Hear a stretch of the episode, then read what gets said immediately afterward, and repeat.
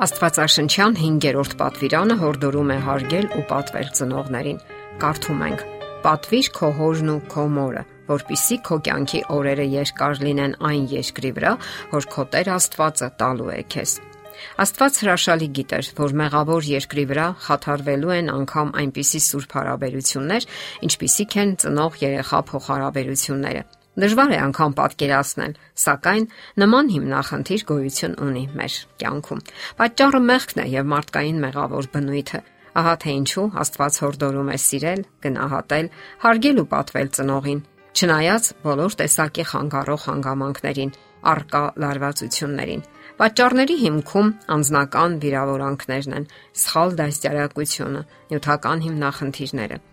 Հոգեբաններն օրինակ ողրզել են, որ մոր հետ հարաբերությունները այն հիմնակարն է, որի վրա կառուցվում են արտաքին աշխարհի, ուրիշների եւ ինքն իր հետ հարաբերությունները, իսկ այդ ամենը սկսվում է մանկությունից։ Եթե ձեր հարաբերությունները ձեր մոր հետ եղել են բարդ, ապա դժվար է պատկերացնել, որ մյուս մարդկանց հետ կունենաք թեթև հարաբերություններ։ Այդ դեպքում ավելի դժվար է լինում իրականացնել ներուժը եւ կյանքի կոչել երազանքները։ Մարդու կյանքը նման դեպքերում բարթանում է ծանր հույզերով եւ հիշողություններով, տագնապներով, վիրավորանքներով, չարությամբ, մեղավորության զգացումով եւ անլիարժեքությամբ։ Դժվարությունները սկիզբ են առնում այն պահից, երբ մայրը ինչ-ինչ պատճառներով չի կարողանում սիրել երեխային առանց պայմանի սիրով։ Չի տեսնում նրա մեջ գեղեցկություն, չի հիանում իր զավակով, այլ կարևորում է երեխայի նվաճումներն ու հնազանդությունը,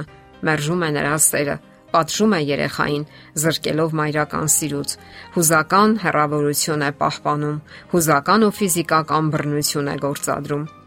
Այս դեպքում երեխայի համար դժվար է լինում ներդաշնակ հարաբերություններ պահպանել մարդկանց հետ, ընդունել աշխարհը որպես իր տունը,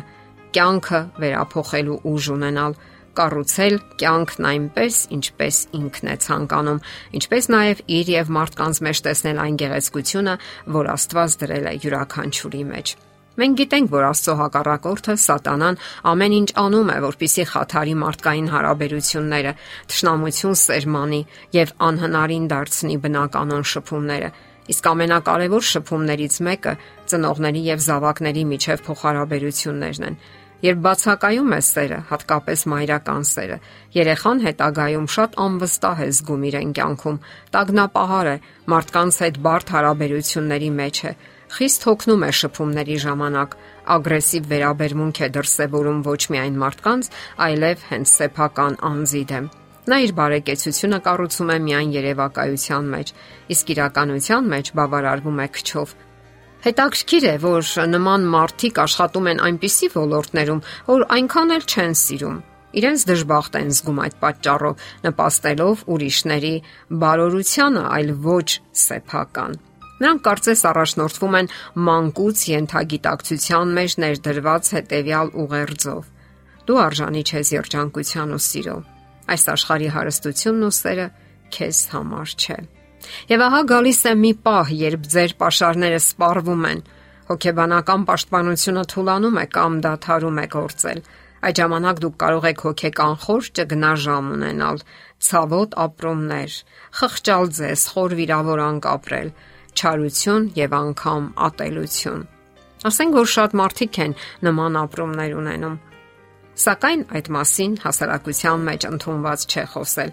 Պարզապես հարկավոր է գտնել ելքը, որpիսի դուրս գաք հոգեբանական ճահճից։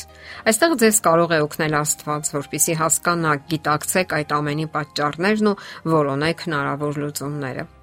Պետք է ընդունել, որ մենք ապրում ենք մեղավոր աշխարհում, երբ մարդիկ չեն կարողանում սիրել։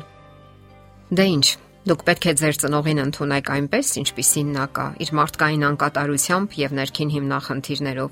Ամենայն հավանականությամբ նրան էլ չեն սիրել այնպես, ինչպես հարկն է, եւ նա հենց այդպիսին էլ մեծացել է։ Այս շարքը ըստ հերթականության հասնում է մինչև առաջին մարտը եւ առաջին մեղքը անհնազանդություն Աստծուն։ Այստեղից է սկսվել մարտեակի ողբերգությունը եւ այնուամենայնիվ ելքը կա։ Աստվածաշնչում կարդում ենք պատվիր քո հորն ու քո մորը, որpիսի քո կյանքի օրերը երկար լինեն այն երկրի վրա, որ քո Տեր Աստվածը կտա քեզ։ Հասկանալով ծնողին իմացեք, որ դուք էլ նրա նման անկատար էակ եք ձեր մարդկային թերություններով եւ վրիպումներով, եւ այդպես շարունակելով դուք նույնը կփոխանցեք ձեր զավակին, եթե կանգ չառնեք ճանապարհին։ Աստվածաշունչը հորդորում է. Որդիներ, հնազանդ եղեք ձեր ծնողներին տիրոջով, քանի որ սա է ճիշտը։ Պատվիր քո հորն ու քո մորը։ Սա է առաջին պատվիրանը, որն ուղեկցվում է փոխհատուցման խոստումով որpիսի բարիք գտնես եւ երկրի վրա երկար ապրես։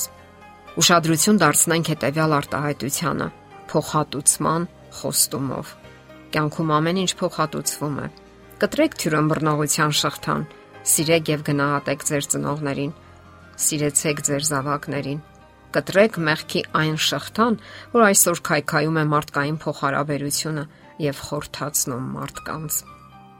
Եթերում է ղողանջ հավերժության հաղորդաշարը։